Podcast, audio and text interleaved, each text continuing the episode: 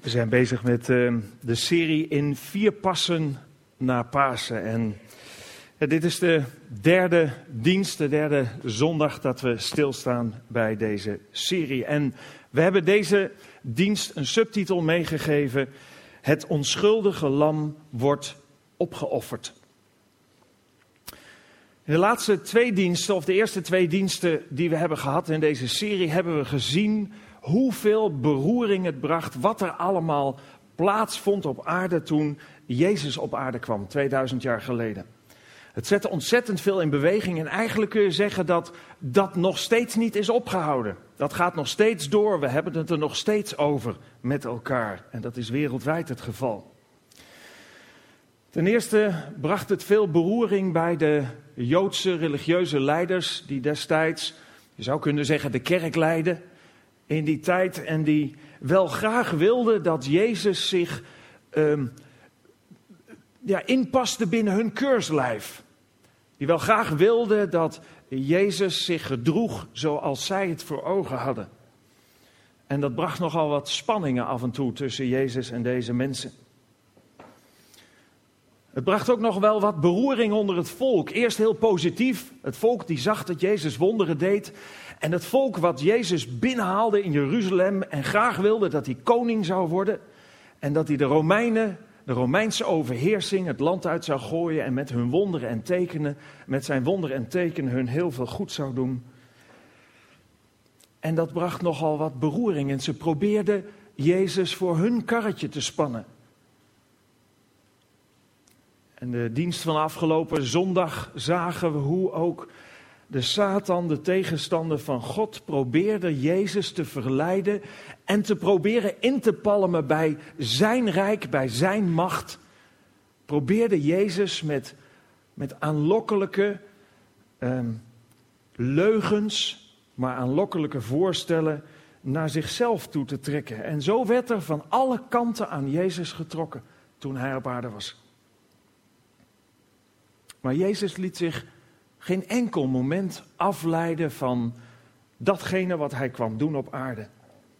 Lezen in de Bijbel dat Jezus zegt: Ik ben gekomen om afgedwaalde mensen te zoeken en te redden. En de afgelopen diensten hebben we ook stilgestaan bij welke mensen horen nou, behoren nou tot deze categorie. Zijn dat hele nare of gemene mensen of wat dan ook? Nee, je komt er al snel achter. Tot deze categorie behoren we allemaal. Want de Bijbel zegt, alle mensen hebben zich van God afgekeerd. Op de een of andere manier. Ze zijn met elkaar de verkeerde weg opgegaan. Niemand doet wat goed is, zelfs niet één. Dat geldt voor ons allemaal hier. Dat geldt voor mensen die duizend jaar en drieduizend jaar geleden geleefd hebben en iedereen die ertussen zit. Dat geldt voor alle mensen. Alle mensen worden op zeker moment verleid, zo zagen we vorige week, door, door het kwaad, door de tegenstander van God. En we lezen dan ook, alle mensen hebben gezondigd en missen daardoor Gods nabijheid. We hebben allemaal gezondigd en missen Gods nabijheid. Dat is een, een gemis wat daadwerkelijk voelbaar is ook al zul je misschien niet erkennen dat het daardoor komt. Een heleboel mensen zeggen niks met God te hebben of te willen hebben. Maar dat wil niet zeggen dat dat gemis er niet is. En dat gemis, dat zie je ook. Je ervaart het, je voelt het als een leegte, als een onbestemd gevoel. En je merkt ook dat we allemaal op zoek zijn naar geluk. We zijn allemaal gelukzoekers en nemen de hele dag beslissingen met de hoop dat we daarvan gelukkig worden. We hebben een keuze gemaakt om buiten Gods kaders van liefde te gaan. En dat is ook iets wat we konden en mochten doen, want ieder mens heeft een vrije wil om die keuze te maken. Maar daardoor verkeren we niet langer in de nabijheid van God. Je zou kunnen zeggen van van een situatie waarin je met God verbonden bent, kom je terecht in een situatie waarbij er een kloof ontstaat tussen God en ons als mensen. En dat overkomt ons allemaal. En die kloof laat dat onbestemde gevoel achter. Dat gevoel wat ons brengt tot levensvragen. Eh, tot vragen waarom ben ik er eigenlijk, waarom leef ik eigenlijk en waar gaat dit naartoe onderweg. Toen de eerste mens op aarde was, toen werd die mens ook heel duidelijk gewaarschuwd door God.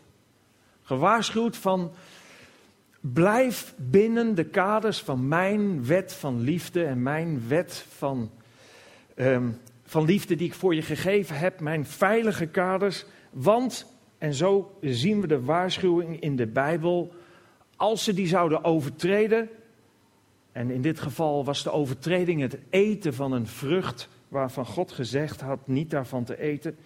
Dan lezen we wanneer je daarvan eet, zul je sterven. Dus God had al aangekondigd wat de consequentie zou zijn van het moment waarop we zouden afwijken van zijn kaders van liefde, zijn wet. En wat dan raar is, is dat je ziet in de Bijbel dat Adam en Eva eten van die vrucht en dat ze niet sterven. Ze zijn niet nadat ze daarvan gegeten hebben dood neergevallen, wat je misschien verwacht naar aanleiding van wat God erover had gezegd. Maar er is wel wat gebeurd, want ze werden op dat moment wel geestelijk van God afgesneden. En ze gingen van het licht en van de relatie met God naar de duisternis. Maar hoe kan het nou dat ze, ja, dat het oordeel eigenlijk niet, dat datgene wat God erover had gezegd, dat het eigenlijk niet naar hun toe kwam zoals je dat leest? Zul je sterven? Had God gelogen? Of was God van gedachten veranderd toen hij zag dat de mens dat niet vol kon houden? Of was, was het alleen maar als dreigement bedoeld, omdat God graag wilde dat, dat ze zich hielden aan de afspraken? We weten dat iedere wetgever die het recht, die de wet niet handhaaft, dat die eigenlijk zijn eigen wet ondermijnt. En iedere rechter die een schuldige zomaar laat lopen, zonder recht te spreken, dat hij de wetteloosheid in de hand werkt. En als we om ons heen kijken, zien we dat eigenlijk ook gebeuren. Je zou kunnen zeggen, deed God dan hetzelfde? God als wetgever, als rechter, deed hij hetzelfde? Liet hij de schuldige zomaar lopen? Nee. En dat kan ook niet, want God is rechtvaardig en God kan het recht niet buigen. Maar wat gebeurde er dan? Waarom kwam dat? Waarom was dat gevolg dan niet voor Adam en Eva zoals je dat leest? Nou, als je verder leest, ontdek je dat God het vonnis uitstelt. En God eiste, je zou kunnen zeggen, als een soort van borg, een borgsom, het leven van een dier.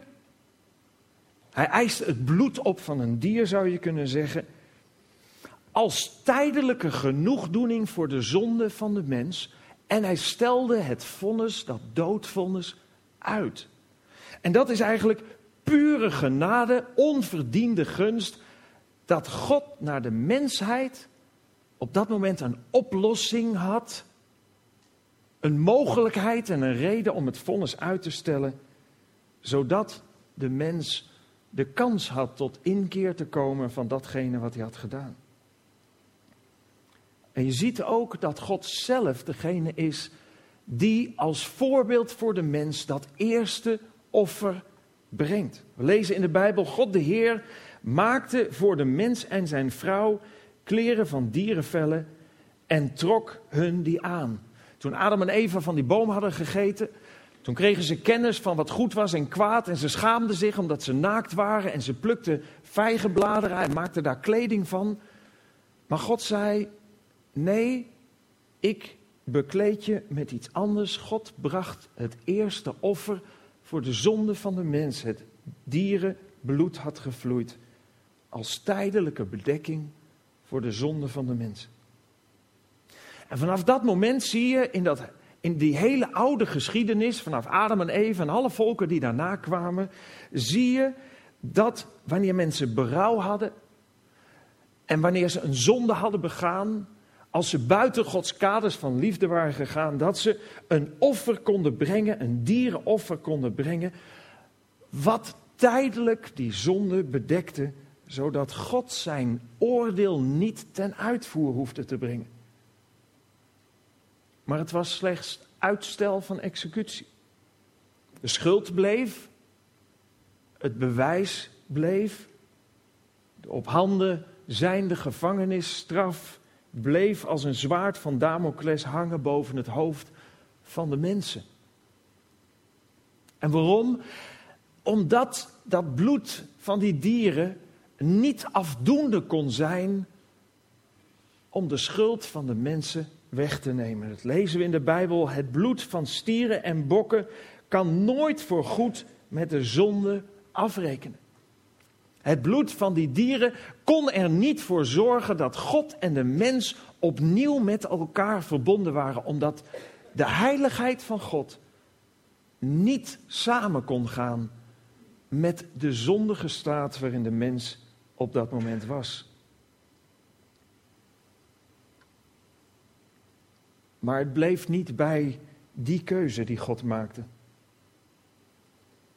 Het duurde nog duizenden jaren voordat God met een definitieve oplossing kwam. En niet omdat het zo lang duurde om hem te bedenken, want veel eerder in die geschiedenis vertelt God al, soms in beeldspraak, soms in geschiedenissen, hoe God het gaat oplossen. Maar die tijd was nodig om te zorgen dat alles klopte om tot die definitieve oplossing te komen die God had voorbereid. God liet via van allerlei manieren aan de mensheid weten dat hij met een oplossing zou komen. God gebruikte zelfs werkelijke gebeurtenissen, geschiedenis, om te laten zien dat hij met een oplossing zou komen zonder dat de mens die op dat moment leefde in de gaten had dat dat naar die oplossing verwees. En naar de mens gesproken zou je kunnen zeggen, menselijk benaderd zou je kunnen zeggen, misschien gebruikte God nog wel duizenden jaren om zich voor te bereiden op de afschuwelijke oplossing die moest plaatsvinden voor de zonde van de mens. We lezen, al zo lief heeft God de wereld gehad, dat hij zijn enige geboren zoon gegeven heeft, opdat een ieder die in hem gelooft niet verloren gaat, maar eeuwig leven hebben. De liefde van God de Vader voor jou en mij, voor ons allemaal, voor alle mensen is zo groot. Dat hij zijn eigen zoon stuurde naar deze wereld. En dat is hetgene waar we bij stilstaan ook op Goede Vrijdag. Dat hij zijn eigen zoon stuurde naar deze wereld. Met maar één doel. Om te sterven voor de zonde van de mensen om definitief af te rekenen met de zonde die wij als mensen hebben gepleegd. En hij kwam naar deze wereld en hij leefde op deze wereld als een mens. Hij werd verzocht op deze wereld, maar hij zondigde niet. We lezen in de Bijbel onze hoge priester, Jezus, kan volledig meevoelen met onze zwakheden. Hij heeft alle beproevingen net zo ondergaan als wij. Alleen gezondigd heeft hij niet. Hij was rein, hij was puur, hij was zonder zonde. En dat is niet alleen iets wat we na die tijd zien, zelfs op het moment dat hij door het volk Israël wordt, wordt uitgeleverd aan de Romeinse overheersing en ze roepen dat ze van hem af willen, dan zien we dat Pilatus zegt: Ik kan niets vinden waaraan hij zich schuldig heeft gemaakt. Andere vertaling zegt: Ik zie geen kwaad in hem. Het was voor hem heel duidelijk dat Jezus zonder zonde was, dat er geen schuld in hem was. En omdat hij zonder zonde was, En omdat hij rein was, kon hij sterven, kon hij plaatsvervangend sterven, kon hij de prijs betalen met zijn leven voor onze zonden en tekortkomingen. Ik kan dat niet doen. Als ik zou zeggen dat ik voor één van jullie zou willen sterven, zodat je niet hoeft te sterven, niet onder het oordeel van God komt, zou God zeggen: Sorry van de Weert, jij hebt hetzelfde probleem. En dat geldt voor ons allemaal. Jezus kwam naar deze aarde. Hij was zonder zonde en hij stierf voor alle mensen. Niet alleen maar voor vriendelijke mensen, voor aardige mensen, voor mensen die hem graag mochten. Niet alleen maar voor mensen die in zijn straatje liepen op dat moment. Op het moment dat Jezus Christus stierf, stierf hij voor alle zonden van alle mensen zonder aanzien des persoons. Onafhankelijk van hoe wij erop zouden gaan reageren, nam hij al jouw en mijn straf op zich. Lees in de Bijbel dat er staat, maar Christus is voor ons gestorven terwijl wij nog een zondig leven leiden. Op dat moment stierven toen wij nog een zondig leven leiden. Zo laat God ons duidelijk zien hoeveel Hij van ons houdt. Je zou het je zo kunnen voorstellen. Je gaat naar een gevangenis die vol zit met misdadigers. Je gaat naar de gevangenisdirecteur toe en je zegt: Ik wil al deze mensen loskopen. Wat is de prijs, wat is de boete die moet worden betaald om al deze mensen vrij te kopen?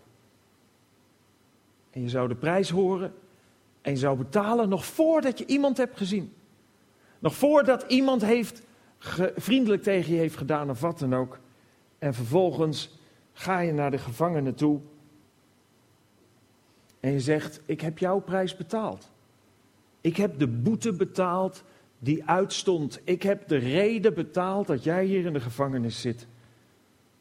Als jij het kunt accepteren dat ik voor je heb betaald en je hebt spijt van wat je hebt gedaan, dan kun je vrijkomen. Vrij van de doodstraf die op je wacht. En de kerkelijke leiders uit de tijd van Jezus hadden ontzettend veel moeite met de manier waarop Jezus met mensen omging. Hij zei dat hij de zoon van God was. Dat vonden ze al moeilijk te volgen. Maar als hij dan ook nog als zoon van God omging met het uitschot van de wereld, met hoeren en tollenaars, met het laagste van het laagste, dat konden ze niet rijmen. Zo deed je dat niet. Je ging niet om met dat volk. En dat lieten ze weten ook. Er staat in de Bijbel, op een keer was Jezus de gast in Levi's huis. Levi was een tollenaar, een, een, een belastinginner, maar dat ging niet zoals nu. Dat deden ze gewoon hier en daar wat extra, een beetje graaikultuur. En dan lezen we veel tollenaars en zondaars waren er samen met Jezus en zijn leerlingen aan tafel. Het waren er veel, het waren volgelingen van hem. Toen enkele schriftgeleerden die tot de fariseeën behoorden zagen dat hij at met zondaars en tollenaars, vroegen zij aan zijn leerlingen, waarom eet hij met tollenaars en zondaars? Jezus hoorde het en zei, gezonde mensen hebben geen dokter nodig, zieken wel. Ik ben gekomen om rechtvaardigen, ik ben niet gekomen om rechtvaardigen te roepen, maar zondaars.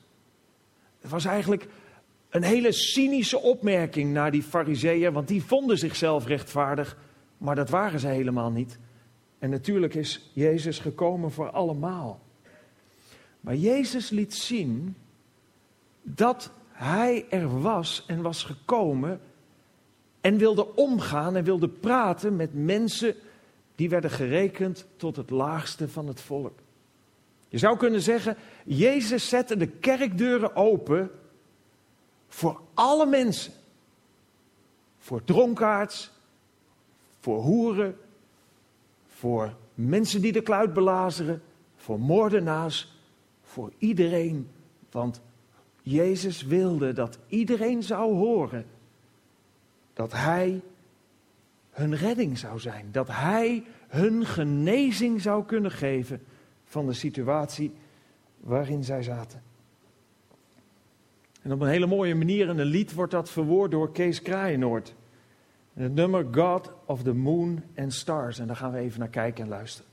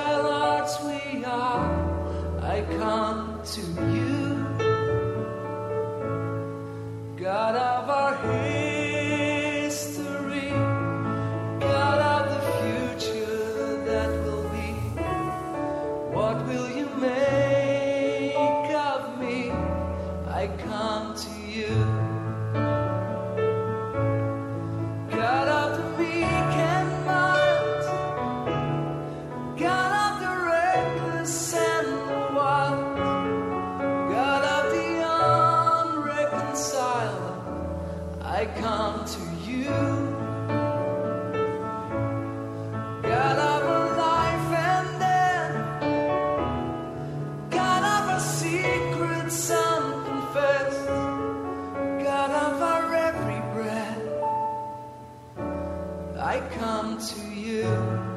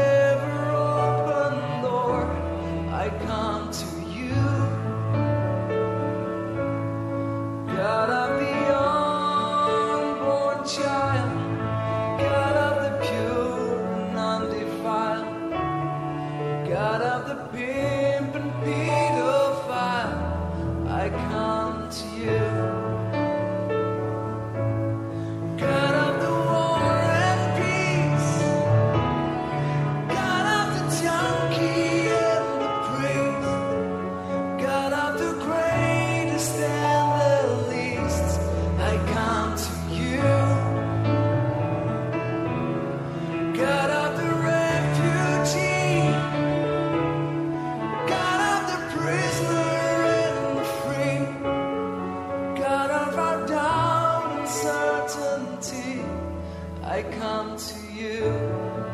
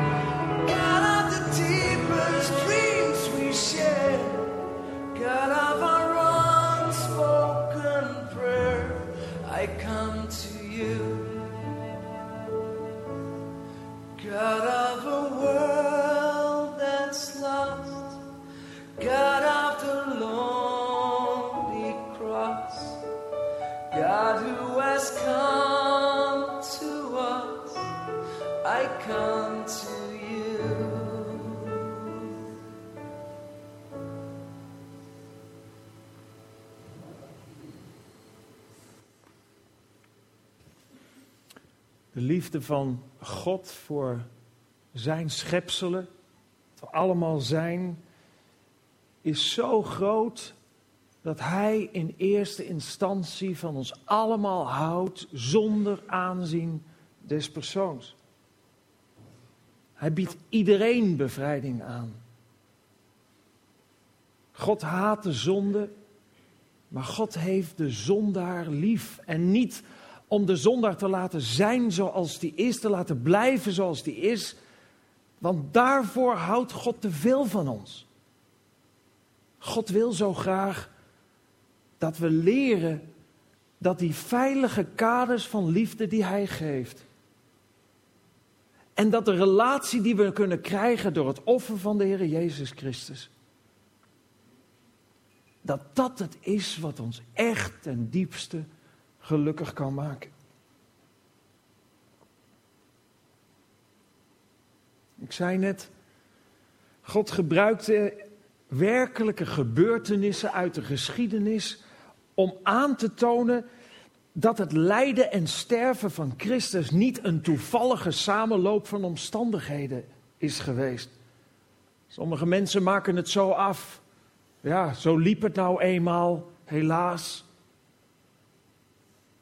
Sommige geloven hebben Jezus ook wel in hun geloof gepast als een goede profeet of als iemand die goede dingen heeft gezegd. Jammer dat hij zo vroeg is gestorven. Hij heeft pech gehad. Maar God laat door de geschiedenis zien dat dit niet een toevallige samenloop van omstandigheden is, maar dat het lijden en sterven van de Heer Jezus Christus op dat moment door Hem zo van tevoren is bedacht om de mensen te redden uit de klauwen van het kwaad. En één zo'n gebeurtenis in de geschiedenis verwijst heel duidelijk naar het lijden en sterven van de Heer Jezus. En dat is de verlossing van het volk Israël uit Egypte. Misschien ken je het verhaal, misschien ken je het verhaal helemaal niet. Maar het is zo dat ehm, het volk Israël woonde in Egypte. Dat was niet hun eigen land. Ze waren daar terechtgekomen omdat in hun eigen land hongersnood was. En daar woonden ze inmiddels heel wat jaren. Eerder in het begin behoorlijk in aanzien. Maar later werd het alleen maar gezien als een groep allochtonen. En werden ze aan het werk gezet en steeds minder kwamen ze onder een slavenjuk van de Egyptenaren. En dat volk Israël, Gods volk, werd zo onderdrukt dat God besloot hen vrij te kopen, hen vrij te laten uit die slavernij. En hij riep Mozes en hij gaf hem de opdracht om naar de farao, de koning van Egypte, te gaan en te zeggen dat hij zijn volk moest laten gaan. Moest loslaten uit Egypte en moest laten gaan naar hun eigen land. En de farao was dat niet van plan om dat te doen. En die hield voet bij stuk. En dan komen er een heel aantal plagen voorbij. Ehm, je zou kunnen zeggen, iedere keer waarschuwingen van God aan het adres van de farao en het volk Egypte. Laat mijn volk gaan. En zo was er een sprinkhanenplaag en een, en een kikvorsen en van allerlei dingen. En vlak voorafgaande aan de tiende plaag, en dat was ook de laatste plaag voordat de farao eieren voor zijn geld koos, lezen we het volgende in de Bijbel. En dit is wat God tegen Mozes zegt. Zeg tegen de hele gemeenschap van Israël: op de tiende van deze maand moet elke familie een lam of een bokje uitkiezen, elk gezin één. Gezinnen die te klein zijn om een heel dier te eten, nemen er samen met hun naaste buren één. Rekening houdend met het aantal personen en met wat ieder nodig heeft. Het mag het jong van een schaap zijn of het jong van een geit als het maar een mannelijk dier van één jaar oud is zonder enig gebrek. Houd dat apart tot de veertiende dag van deze maand. Die dag moet de voltallige gemeenschap van Israël de dieren in de avondschemers slachten. Het bloed moeten jullie bij elk huis waarin een dier gegeten wordt, aan de beide deurposten en aan de bovendorpel strijken. En iets verderop staat: zo moeten jullie het eten. Met je gordel om, je sandalen aan en je staf in de hand in grote haast. Dit is een maaltijd ter ere van de Heer. Het Pesachmaal, het paasmaal. Ik zal die nacht rondgaan door Egypte. En ik zal daar alle eerstgeborene doden, zowel van de mensen als van het vee. En ik zal alle Egyptische goden van hun voetstuk stoten, want ik ben de Heer. Maar jullie zal ik voorbij gaan. Aan het bloed zal ik jullie huizen herkennen. En door dat merkteken zal de dodelijke plaag waarmee ik Egypte straf, jullie niet treffen. Die dag moet voortaan een gedenkdag zijn, die je moet vieren als een feest ter ere van de Heer. Dit voorschrift blijft voor altijd van kracht. Alle komende generaties moeten die dag vieren. Deze gebeurtenis, deze verlossing van het volk Israël uit Egypte, vond plaats 1500 jaar voordat Christus geboren werd, voordat Jezus op aarde was. En waarom was Jezus in Jeruzalem op het moment dat hij daar gevangen werd genomen en op het moment dat hij daar later werd gedood en gekruisigd? Jezus was in Jeruzalem om dit feest, dat al die generaties lang, 1500 jaar, ieder jaar werd gevierd, te vieren. Om daar in Jeruzalem het paasfeest te vieren. En dan zie je in één keer een heleboel overeenkomsten tussen datgene wat Jezus overkwam en datgene wat dat lam overkwam bij dat Pesachmaal. Tijdens dat Pesachmaal moest het lam worden geslacht. En toen Johannes, dat was iemand die al predikte voordat Jezus in de openbaarheid kwam, Jezus voor de eerste keer zag, zei hij, en ik denk zonder precies te weten wat hij zei, zie het lam Gods dat de zonde der wereld wegneemt. Hij wees daar Jezus aan als lam van God. Als lam.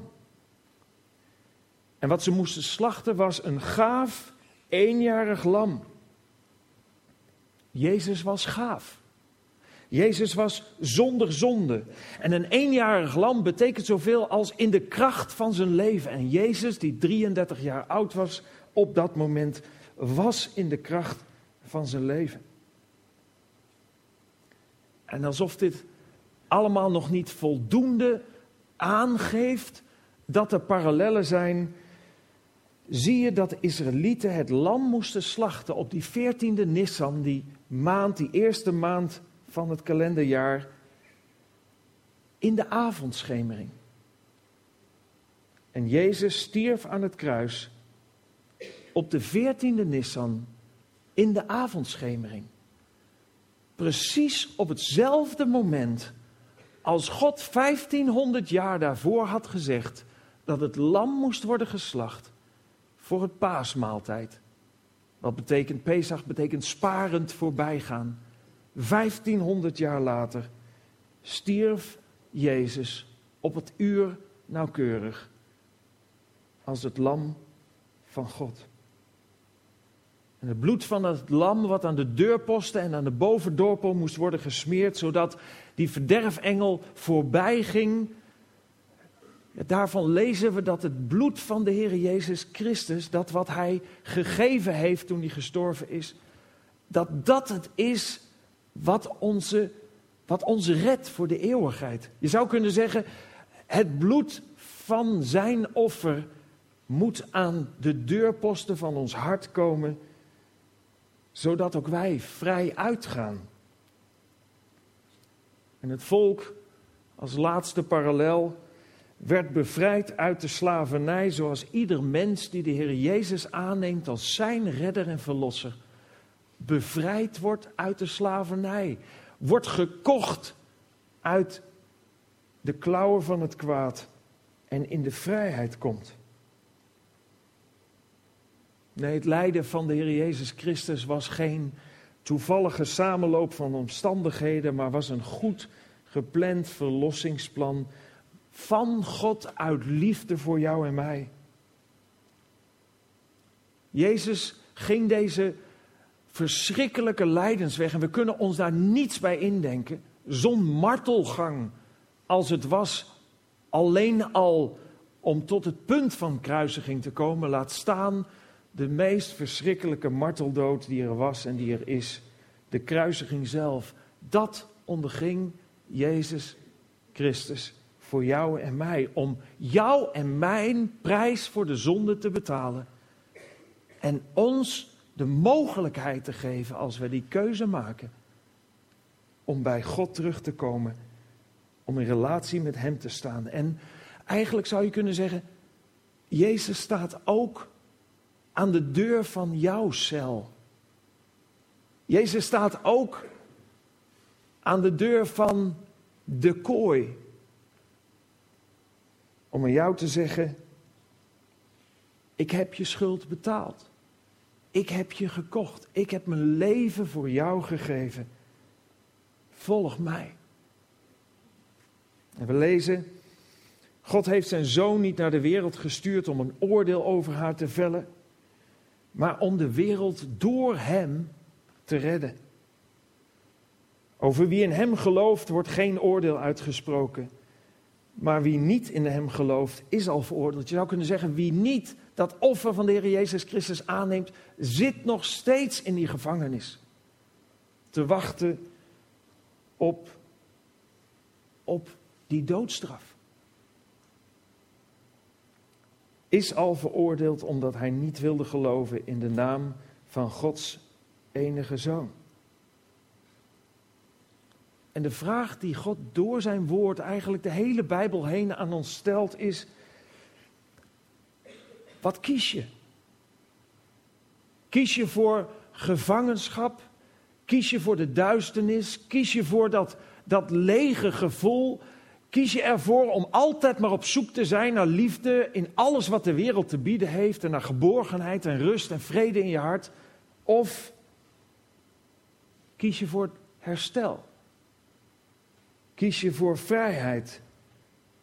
Kies je voor de relatie met God door de Heer Jezus Christus? En kies je niet alleen iets wat effect heeft hier en nu in je leven, maar kies je voor iets wat over de grens van de dood heen gaat. En wat je in eeuwigheid brengt bij God. Om daar een leven te leven zoals God het had bedoeld met iedereen die diezelfde keuze maakt. En daarvoor is het nodig dat we zien naar het kruis, dat we kijken naar het kruis. Ons realiseren wat Jezus daar heeft gedaan voor ons. En ik hoop dat als je die keuze nooit in je leven hebt gemaakt, dat je tot die keuze zult komen om je knieën voor Jezus te buigen. En als je die keuze wel hebt gemaakt, eerder in je leven, dan mag het een moment zijn om dankbaar te zijn, om stil te staan bij de prijs die Hij heeft betaald voor jou en mijn leven. We gaan een lied zingen. En dat lied heet Zie het kruis.